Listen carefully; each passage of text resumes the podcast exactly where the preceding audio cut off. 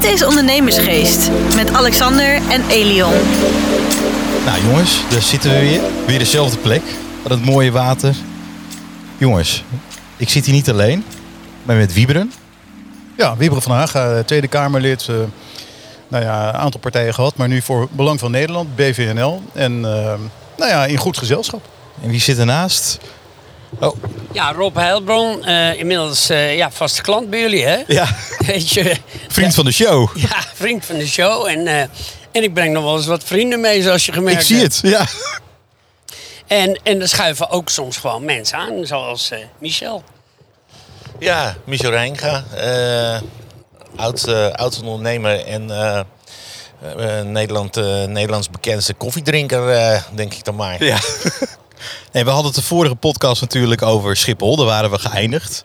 Over het nou ja, wanbeleid wat er is eh, gevoerd. En dat we eh, heel lang in de rij moeten staan. En met de teststraten. Dat het eigenlijk lucratiever, lucratiever voor jongeren is om daar te gaan werken dan eh, bij, hè, bij- de horeca. Of überhaupt bij Schiphol waar je maar 11 euro per uur verdient om de bagage af te handelen. Is jullie nog iets anders opgevallen deze week in het nieuws? Ja, ja wat mij eigenlijk opgevallen is, is eh, de zoveelste poging van, eh, van de Democraten om eh, Trump uit, het, uit de volgende Witte Huisperiode te houden. De FBI is binnengevallen. De FBI gewoon, hup, zijn huis binnengevallen. Ze wisten kennelijk dat hij in New York was, dus dat... zo laf waren ze dan ook nog wel. Dan denk ik, doe het dan waar hij bij is, weet je. Dan, dan, dan weet je, dan is er nog een beetje nieuws. Maar ja, die man is, is, heeft zo'n overweldigend sterk karakter. Daar ga je niet bij invallen zomaar. Dus dat is een, een laffe actie van, de- van de FBI. En eh, ja, ik denk niet dat ze daar Trump mee uit het Witte Huis houden. Sterker nog, iedereen die op Trump stemde of ooit eraan dacht op hem, of op hem te stemmen, die is alleen maar meer aangewakkerd nu. Wat Ja. vinden jullie daarvan? Nou, ik hoop dat de Binnenlandse Veiligheidsdienst eh, er een voorbeeld aan neemt. Dat ze bij Rutte binnenvallen. Zouden ze dat ooit doen? Ja, eh, eh, er zitten zoveel haken en ogen aan. En eh, we hebben in de vorige uitzending natuurlijk al gehad... dat hij opgestapt is na de toeslagenaffaire. En dat hij gewoon weer terugkomt. En ik vind dat werkelijk schandalig. En als je dan in andere landen ziet waar overheden... eh, na hun periode zelfs soms veroordeeld worden eh, op de fouten die ze gemaakt hebben. Hier niet. Hier mag je gewoon terug. Nou ja, dat, kan hier natuurlijk nog steeds gebeuren. Hè? Kijk, eh, ik hoop het ook. Mark Rutte heeft natuurlijk een aantal keer de wet overtreden. De laatste keer de wet open overheid. Hè, Ja. Door zijn sms'jes te wissen. Oh ja. En natuurlijk, als je, een- als je een democratische meerderheid hebt in de Tweede Kamer, dan kom je daar tijdelijk mee weg. Maar er zijn. eh, nou, er is, het is een aantal eh, parlementaire enquêtes dat op de rol staat. Eh, Groningen, corona komt er nu aan, toeslagenaffaire. Dus er is genoeg. er, er zit genoeg kruid in het kruidvat, zeg Ja. maar. En alleen, het gaat altijd heel erg langzaam. Maar ik zou, er niet, ik zou er niet voor willen pleiten dat wij continu bij politici gaan binnenvallen. Politici moeten gewoon gecontroleerd worden door een, door een parlement met tanden.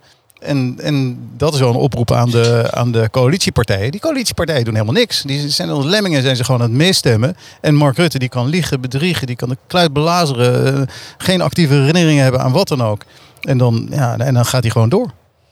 Ik moet even denken aan Caroline. Ik weet ook niet waarom. Nou, eh, als, als mij gevraagd wordt wat viel je nou op in de laatste paar dagen in het nieuws, dan is dat de Rabobank. Dat heeft ook met Caroline te maken. Want eerst had je die, die gekke Barbara Baarsma, hè, die eh, nog een soort van eh, rare toestand met herstel.nl en dan weer haar keutel introk en, en niet meer herstel.nl deed eh, in de coronatijd. Eh, maar nu opeens pleit voor een CO2-budget, waarbij je, waarbij je als nou, rijker iemand zoals Barbara Baarsma CO2 punten kan kopen van iemand die dan geen geld heeft. En dan kan je de hele wereld rondvliegen. Eh, op kosten van, van, iemand anders dus. Dus het is een soort moderne slavernij. Maar het aardige is, zij is dus econoom bij de Rabobank.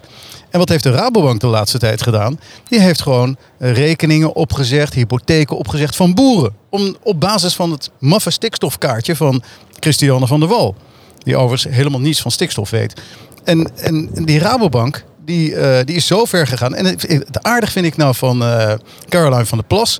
dat zij meteen heeft gezegd, weet je wat... ik zeg al mijn rekeningen op. Dus haar eigen rekening, de rekening van eh, BBB... Alles wordt opgezet, weggetrokken bij de Rabobank. En dan gaan ze naar een andere bank. Een bank die wel onafhankelijk is en een bank die er wel is voor de ondernemers, wel voor de boeren. Ik, ik vind dat een meesterzet. Nou, Rob, we hebben het de vorige keer volgens mij al kort over gehad. Toen zaten we aan de overkant daar. Maar Caroline, die moeten we er gewoon eens in hebben. Ja, Caroline, die, eh, die, nou, ja, die, die moeten we een keer uitnodigen. Eh, ik weet niet, eh, jij kent haar, maar jij kent haar misschien. Nou, misschien wil ze wel lid worden van BVNL.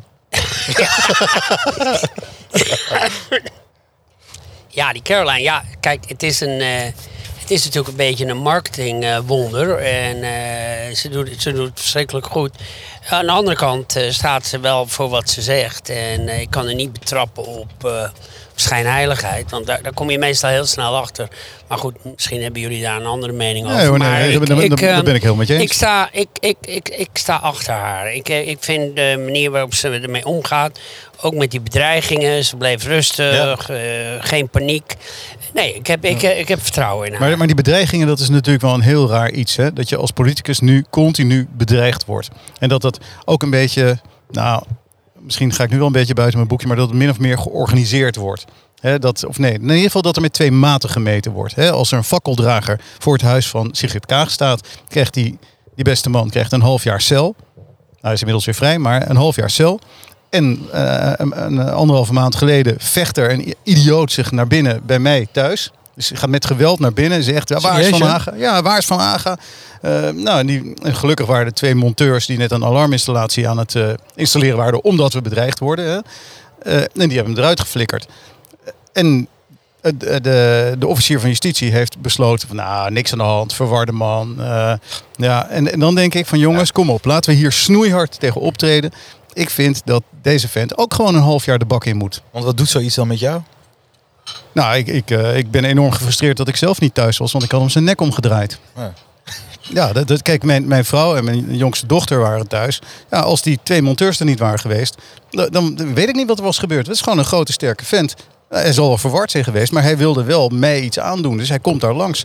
Eh, die fakkeldrager, ik geloof niet dat hij een poging heeft gedaan om binnen te komen bij Kaag. Maar deze vent is naar binnen gevochten en er wordt niks aan gedaan. En ik, ik vind dat echt schandalig. Ik vind dat zo, zo gauw je politici gaat bedreigen of wie dan ook, ja, ga, de bak in voor jaren. Wegwezen. Verward, ja, dat is altijd eh, de, de betiteling voor, eh, voor mensen die eh, een vorm van geweld gebruiken. Als er een vent met een auto op een, een menigte inrijdt, in Duitsland, maar ook, het is ook gebeurd bij ons voor het Centraal Station, is zo iemand altijd verward.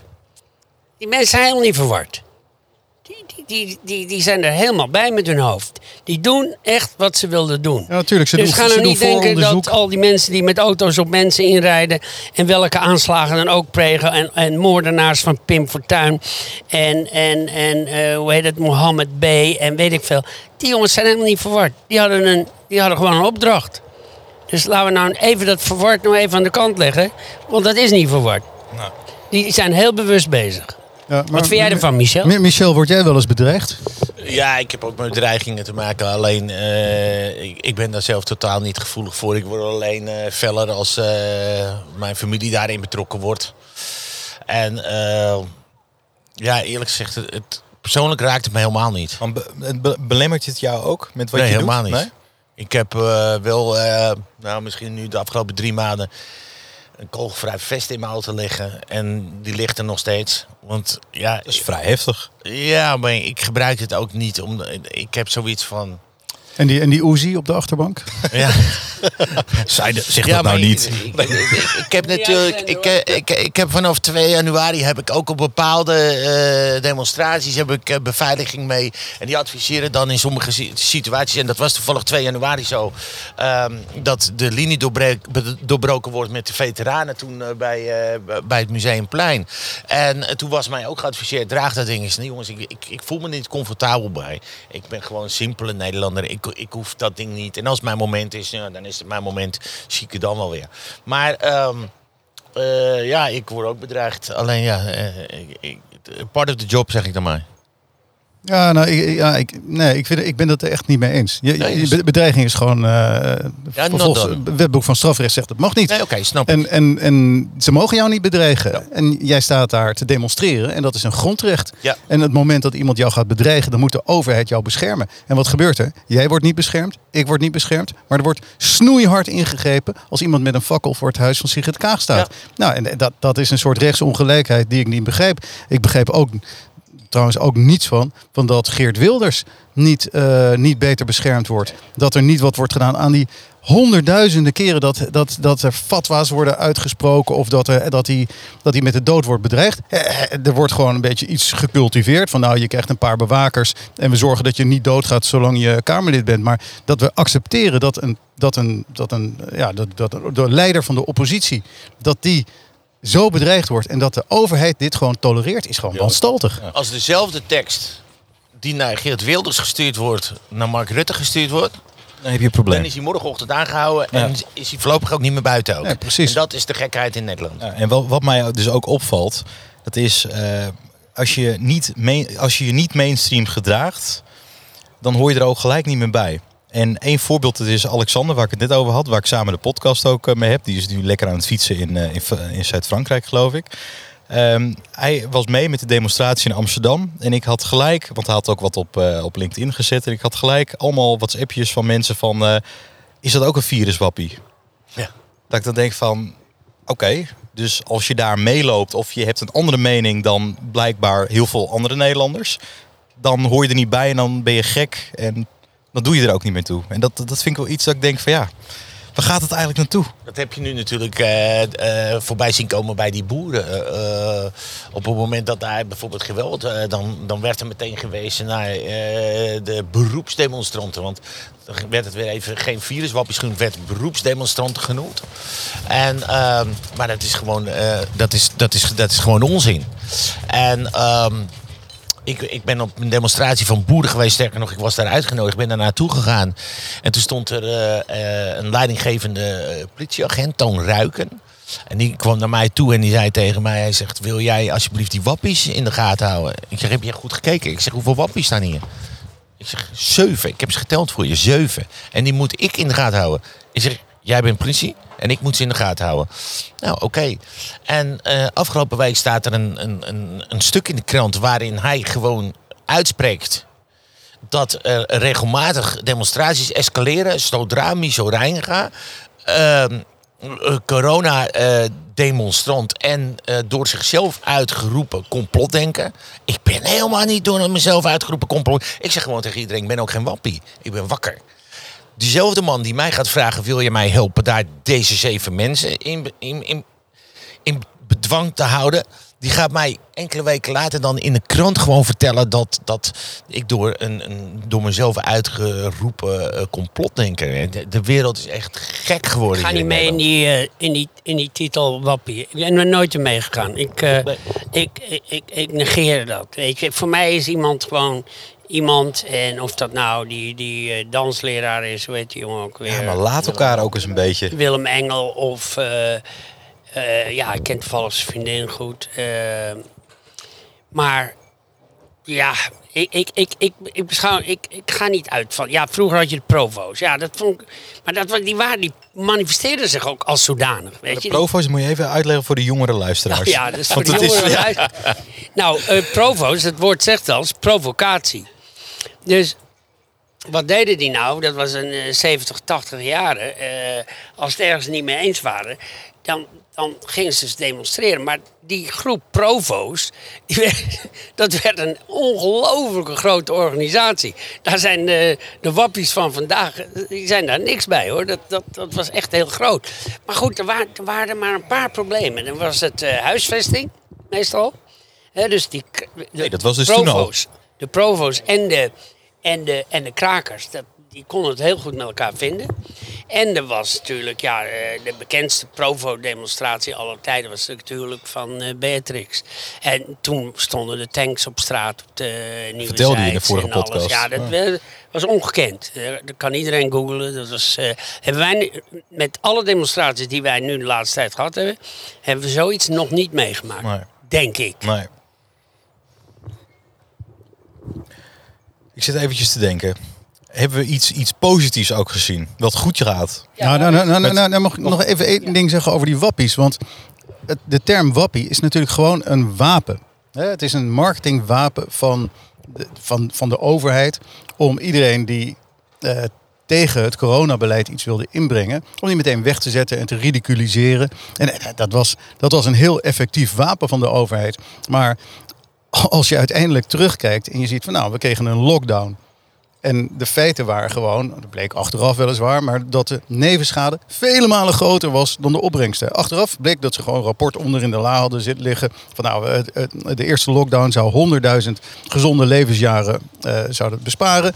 En het kostte 620.000 gezonde levensjaren. Dus netto min 520.000 gezonde levensjaren. Het is gewoon, gewoon moord met voorbedachte raden. En, en dat rapport, dat hebben ze ons nooit laten zien. Dat is eh, via een WOP-verzoek boven tafel gekomen. Maar we werden weggezet als wappies, omdat wij zeiden... Nou, de nevenschade wordt waarschijnlijk groter dan, dan de opbrengsten. En dat was met de avondklok zo, dat was met de mondkapjes zo. Dat was elke keer zo. Alleen omdat wij geridiculiseerd werden...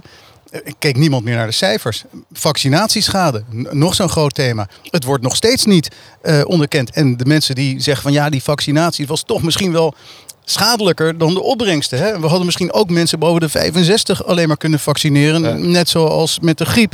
En dan nog steeds betwijfel ik of dat dan eh, positief zou zijn geweest. Maar dat, dat die term wappie... Iedereen moet zich realiseren, het is een marketingtruc om ons weg te zetten en de feiten te negeren.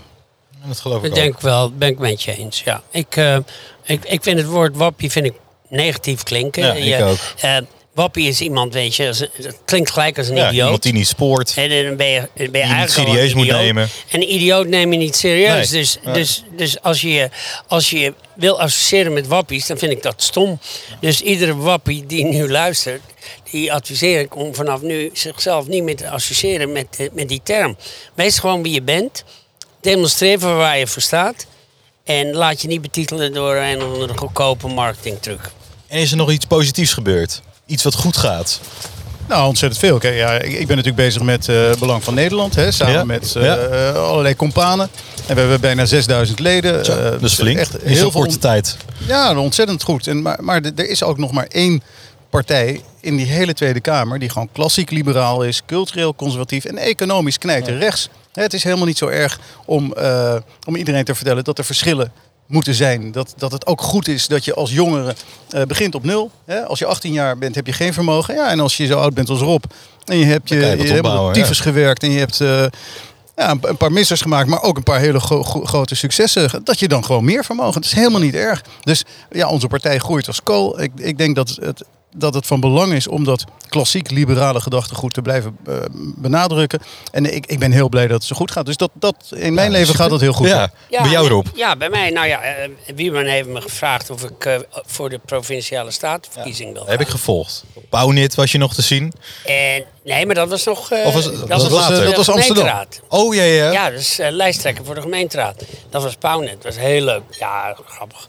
Maar eh, nee, de provinciale staten, dat is eh, volgend jaar, wanneer is het? 15, 15 maart 2023. En het is Ja. echt ontzettend belangrijk. Want de Provinciale Staten, daarna komt de Eerste Kamerverkiezing. Dat, dat volgt op elkaar. Dus dat is het eerste moment dat we dit, dit bizarre kabinet... Hè, dat notabene, Michel zei het er net... is weggestuurd op de misdaden in die toeslagenaffaire. En nu ook weer de misdaden met die uithuisplaatsingen die daarvan het gevolg zijn. Dat we dat, dat kabinet het moeilijk kunnen maken. Want nu kunnen ze nog gewoon alles doen. Maar als, als we die Provinciale Statenverkiezingen met de, nou, de, de gezond verstandspartijen winnen, nou, dan is het afgelopen met het kabinet. En ik, ik hoop van harte dat, dat Nederland wakker is en het gewoon gaat doen. En waarom is het vol- vol- volgens jullie zo belangrijk om te gaan stemmen? Want ik heb natuurlijk ook heel veel vrienden, ook die 25 zijn. Of jonger. Die zoiets hebben van ja, Ja, weet maar, je. maar, maar kom op, hè. het Kijk, is kijk- zoveel rotzooi overal. nou, kijk, en- ik, ik, ben, ik ben inmiddels 55, hè. Ik, eh, ik zing het wel uit, maar jij bent 25. Eh, als, als jij gewoon nog de mogelijkheid wil hebben om niet als een koolgoos of een softgoos te leven. Hè, en gewoon eh, in vrijheid zeg maar, je leven te bepalen. Vrijheid om te beschikken over jouw huis, je baan, je kinderen, je eigen leven. Of je laat vaccineren of niet. Ja, dan, dan moet je echt gaan stemmen. En als je dat niet doet, ja, dan, dan ben je overgeleverd aan eh, de wilde spinnen in, het, nee, in het kabinet. Ja, en, en dan is de laatste strohalm is inderdaad Michel Reijnga die dan gaat demonstreren. Maar ik vind eigenlijk dat we dat dat moeten voorkomen en gewoon op 15 maart op normale partijen moeten stemmen. Ja, uiteindelijk eh, worden de, is in de politiek, als dingen fout gaan, wordt het altijd door revoluties op wat voor manier dan ook rechtgezet. Maar dat kun je ook voorkomen als je jong bent, eh, door heel jong eh, te bepalen al op welke politieke partij, welke politieke partij jij wil steunen. Eh, die ja, enigszins in lijn is met, met wat jij eh, vindt dat bij jouw leven hoort. Nou begrijp ik wel dat de meeste jonge mensen, zeker van de afgelopen 30 jaar, misschien wel 40 jaar, ja, die hebben, die hebben geen oorlogen meegemaakt. Die hebben, die hebben eigenlijk nooit echt narigheid meegemaakt. En die hebben altijd gedacht van, nou, dat is eigenlijk wel prima zo. Dus ik kan me ook wel voorstellen dat heel veel mensen denken van, nou, ja, die, ja, die Mark Rutte en zijn clubje, dat is allemaal wel goed. Maar dat is niet zo, want je wordt gemanipuleerd. Je moet je, moet je ook wel goed inlezen. Je moet er iedere dag mee bezig zijn. Het, het, het lijkt wel werk en dat is makkelijk voor mij gezegd, omdat ik wat minder werk en wat meer met, met, met Ja, maar, je, maar moet, kijk, je kunt je inlezen, maar die verkiezingsprogramma's, zeker het verkiezingsprogramma van de VVD, nou, ik heb ze allemaal gelezen. Er is nooit ook maar één letter geïmplementeerd. Niets. Voor, de, voor de verkiezing zeggen ze altijd: we gaan immigratie stoppen, we gaan de belastingen verlagen, we gaan allerlei mooie liberale dingen doen. En dan schuiven ze in bed met, eh, met D66 en eh, zo'n links-christelijke partij als de ChristenUnie en het CDA dat ook helemaal de weg kwijt is. Ja, en dan, en dan krijg je iets totaal anders. Dan krijg je een stikstoffonds van 25 miljard, dan krijg je een klimaatfonds van 35 miljard. En dat ga jij met je 25 Ja. jaar, gaat dat allemaal betalen straks. ik kunnen vind ook het nog een allemaal rol erin gooien. Ik, Oh, ik, ik verdenk Mark Rutte er toch van dat hij een relatie heeft met Jesse Klaver. hoezo? Stond hij ook op de boot? Ja, nee, die twee die hebben wat met elkaar. Dat, dat zie ik gewoon. Weet je, die Mark Rutte, dat is natuurlijk... Kijk, het kan niet zo zijn dat als je dan geen vrouw hebt, dat je niet iets anders hebt. Weet je, hij is geen eh, neutraal seksueel. Kijk, we hebben nu transgenders, we hebben homo's, we hebben lesbiennes. Wat is Mark Rutte dan? Ja, ik zal niet daar weten. wel eens over nagedacht? Ja, nee, nee, hier, hier moet ik echt even afstand van nemen. Nee, kijk, jij, jij bent oud genoeg om dit soort eh, gekkigheid te kunnen zeggen. Nee, kijk, ieder, ieder moet lekker doen waar hij zin in heeft. En als Mark zeg maar eh, zijn eigen pad wil kiezen, moet hij dat ook doen. Waar ik hem op aanval, is dat hij gewoon 12 jaar wanbeleid heeft laten zien. En dat hij ons met de ruïnes van Rutte achterlaat. In totale wanhoop. En, en dat we overgaan in, in, in een soort nieuwe, nieuw Sovjet-regime. collectivistische staat. Als hij een gezin had gehad, dan zou die ook anders geweest zijn. Dat ben ik met je eens. Ja, nee, maar dit, kijk, het, het hebben van kinderen, Positief is lastig nu. dat geeft je een fundamenteel andere kijk op de wereld. Toen ik kinderen kreeg, veranderde mijn, mijn kijk op de wereld. Werd, werd ik minder op mezelf gericht en werd opeens het eh, enorm belangrijk om, het, om de wereld goed achter te laten. En, Kijk, dat kun Rutte je huurt een niet- appartementje, heeft een fiets En een en een Nokia. oude auto. En geen sms'jes meer. En, en verder niks. Dus wat, wat, wat, wat is dan de verantwoordelijkheid die hij eigenlijk heeft? Nou, is- Als die man kinderen had gehad... En kijk, ik maakte dan het grapje even over... dat hij een relatie zou hebben met, met eh, Jesse Klaver. Nou, een grapje moet gemaakt kunnen worden, toch? Maar, dus neem dat niet al te serieus. Maar wat ik wel vind, is een man... die heeft geen kinderen. eh, heeft een twijfelachtig soort van privéleven. Rijdt op een fiets naar de, naar de Tweede Kamer. Want ja, dat is toch een leuk imago, vond ik zelf ook altijd. Maar ja, je ziet hem nergens verantwoordelijk. In zijn privéleven neemt hij nergens verantwoordelijkheid voor. Ja, maar Rob, dat, dat maakt me echt niks uit. Ja, mij als, wel. als- ja, als, als, hij, als hij zijn leven wil leiden als een soort, soort autistische kluizenaar, prima. Mannelijke maar, non. Maar ja, dat, dat moet hij lekker zelf weten. Maar, maar het punt is, als hij in het belang van Nederland bezig zou zijn en het zou goed zijn voor Nederland, nou, dan, dan zou ik dat waarderen. Alleen zijn, zijn daden, zijn, de, zijn erfenis is een ruïne. Heeft Nederland, toen wij opgroeiden was, het, was Nederland toch een prachtig land. Homo's liepen hand in hand over straat, konden Ja. elkaar zoenen op de brug in Amsterdam. Ja. En dat kan niet meer. Ze worden in elkaar gemapt. nou, dat is het, het land wat, Nederland, wat, wat Rutte achterlaat. Maar ja, kijk, wat, wat, iedereen zegt altijd... als er weer homo's in elkaar getrampt worden... Dan, eh, dan heb je altijd de, de situatie van... ja, wie heeft dat dan gedaan? En dan, en dan weet de politie ineens niet waar het over gaat, weet je. Maar ja, goed, over die intolerantie hebben we het vorige keer gehad... Ja. in mijn vorige podcast. Mag Dus- ik, mag ik nog, Ja, iets, mag ja. ik nog iets anders Ja. aanhalen? We hebben de vorige keer gesproken, we hebben nu gesproken. Eh, wat we nog niet besproken hebben is eh, de problematiek in de zorg. Hebben natuurlijk de vorige keer gehad over het personeel op Schiphol. Maar dat is ook het personeel eh, in, de, in de ziekenhuizen. Kijk, hier kan ik over meepraten. Eh, juist. Zorg. Waarom? Ja. Waarom? Nou, ik heb een detacheringsbureau, Eva Carrièrezorg. Oké. Ja. Dus wij leveren zorgpersoneel, verzorgende IG'ers tot aan basisartsen. Aan privéklinieken, ziekenhuizen en ouderenzorginstellingen. Dus mocht je luisteren Dus jullie hebben mensen nodig. Ik heb eigenlijk een, een bruggetje gemaakt voor jou om even reclame te maken. Exact. Oké. Dankjewel. Mooi. Nee, maar ehm, ik ben natuurlijk 2018 begonnen toen het uh, Slotervaartziekenhuis eh, ging eh, eh, sluiten. En als wij duizend bedden meer gehad hadden in Nederland, of een paar duizend bedden meer gehad hadden in Nederland. IC-bedden bedoel je? Ja, IC-bedden. Ja. Dan, dan, eh, dan hadden we al een hele andere situatie. Maar ook in de zorg wordt er gewoon gigantisch onderbetaald. En eh, dan is het wederom logisch dat je dan beter nu gewoon in zo'n eh, zo'n priktuin gaat zitten. En dat je daar je 18 tot 22 eurotjes eh, eh, per, ja, eh, per uur gaat pakken. Maar het, het, het leger is kapot bezuinigd. de ziekenhuizen zijn kapot bezuinigd. En, en, en nu zitten we op de blaren. En, en Nederland moet eigenlijk gewoon weer helemaal vanaf onderaf aan opgebouwd worden. Van waar is het allemaal fout gegaan? Wat moet er allemaal hersteld worden? En, en dat is niet weinig. Nou, de, de zorg was natuurlijk in coronatijd echt heel raar. Hè? Ja. Dus eh, we moesten allemaal in lockdown en allerlei rare dingen doen. Allerlei dystopische eh, avondklokken, lockdowns. Vanwege het aantal IC-bedden. Ja. Nou, in Noord-Rijn-Westfalen heeft evenveel mensen als in Nederland. Ja. En vijf keer zoveel IC-bedden. Ja. Eh, Ja, dat in, is. in, in Europa, in de EU, hebben wij het minste aantal IC-bedden per, per hoofd van de bevolking. Dus zeg ik kapot bezuinigd. Ja, nee, dat was ook kap- kapot bezuinigd. Maar in die twee jaar corona-idiotie hebben we geen enkel bed erbij gekregen.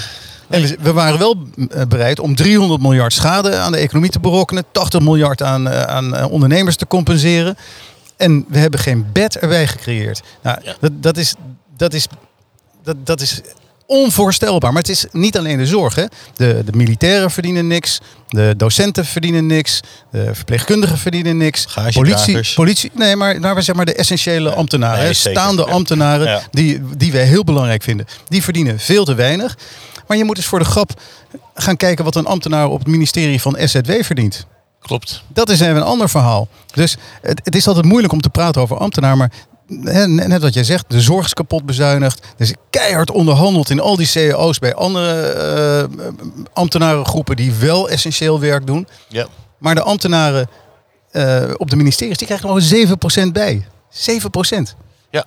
Totaal hallucinant dat we zoveel betalen aan mensen die al een prima salaris hebben. Maar dat we dus de zorg Ja, dat vind ik ook niet kunnen. totaal onderbetalen. Terwijl we daardoor die hele corona-idiotie hebben zo. gehad. Als je gelooft in die corona-idiotie. Als je het niet kapot bezuinigd had en je had duizend IC-bedden meer gehad, dan was de problematiek ook veel minder erg geweest. Want het is in Duitsland stukken minder erg geweest met IC-bedden dan wat wij hier. Ja, en misschien had je er wel dan voor kunnen kiezen van jongens, ja, we hebben eh 5000 IC-bedden en we gaan gewoon meer mensen op de IC hebben. En dan worden kankerpatiënten nog steeds behandeld, er, Ja. worden, eh, eh, er worden hartoperaties nog steeds gedaan. En er waren al die, al die medische nevenschade was ook niet opgetreden. Dus het, het is echt heel erg slecht gegaan. Ik ben het helemaal met je eens. Dit is een heel belangrijk punt. En dat zou een volgend kabinet zou dat gewoon moeten, moeten kunnen oplossen. Ja. Nou, ik vind het een mooie discussie om eh, weer een vervolg aan te maken. We zitten alweer op de 30 minuten. Ja, jongens, dit gaat zo snel. Ja, ten, ter afsluiting. Oh, Kijk, ja, Rob komt erbij. Van dit, eh, eh, van dit punt vind ik wel. Kijk, wat, wat heel belangrijk is, wat we nu gedaan hebben met deze podcast, is dat we nu eigenlijk aansluiting hebben op eh 200.000 eh, volgers van de BVNL. Kijk, Want deze podcast wordt eh, linea recta doorgezet op, op de site van BVNL. En dat, dat is heel gunstig voor de podcast, maar ook heel gunstig voor BVNL. Dus het is een, eh, wat ik dan maar weer noem, een win-win situatie. Kijk, nou, daar houden we van. En die Winnen. hebben we vandaag gecreëerd. hè? je boek erop. Nou, nee, maar ondernemers eh, ondernemen op deze manier. En dat doe je heel goed. Hè? Je hebt, Dankjewel. Bij toeval heb je ons bij Ja, elkaar zitten we hier. gekregen. Ja. Ja, maar ondernemersgeest, zoals deze podcast heet, is, eh, is vandaag, eh, ja, laat ik het voorzichtig zeggen, 200.000 luisteraars rijker geworden. Maar, maar waar, waar, waar vind ik ondernemersgeest? Ondernemersgeest, google het, zoek het op Spotify, daar kan je ons luisteren. Maar ook op Amazon Podcast en Apple Music geloof ik. Rob Heil. Overal. Maar ik, ik, kan me gewoon, eh, ik kan me gewoon abonneren. Ja, zeker. Ja.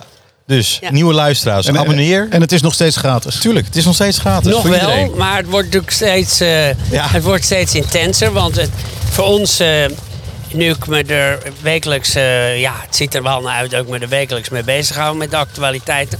Ga ik natuurlijk ook steeds meer ja, dit soort belangrijke gasten uitnodigen. En Wieberen Ja, en- zal wat vaker deelnemen Kijk, aan... dan, eh, dan wordt het wat waard. Ja, ja, en- en- ik denk en- het wel. Het is ook voor ons om het eh, om, om, om uit te breiden. En, en het verlicht de druk op Rob ook een beetje. Want het is natuurlijk best zwaar om hier in, in het zonnetje Ja. aan het water te zitten Ja. met een biertje. Te varen. Esmee, wil jij vragen of ze nog even een, een rondje komen brengen? En zeg voor jezelf ook wat. Maar eh, ja, jongens, eh, ik, eh, het is altijd. Kijk, wat het leuke van deze podcast is, we doen er gewoon alles tussendoor. We bestellen drankjes tussendoor. We hebben het gezellig, we drinken een biertje. En, Zeggen dat het niet normaal is met een in afdekzeil. toekomst- We gaan in de toekomst veel leuke gasten uitnodigen naast mezelf. Want ik vind het leuk om te discussiëren. En, Maar je vindt jezelf een leuke gast dus. ja, dat- ja, dat vind ik, ja. Hey. Michel, enorm bedankt. Ja, goed, ook hoor. leuk dat ik jou heb ontmoet. Ja. Enorm bedankt iedereen. En eh, luisteraars ook natuurlijk. Voor de nieuwe luisteraars abonneer, abonneer je natuurlijk eventjes. En volgende week woensdag zijn we er weer met een nieuwe podcast. Tot woensdag. Dit was Ondernemersgeest. Bedankt voor het luisteren en tot de volgende keer.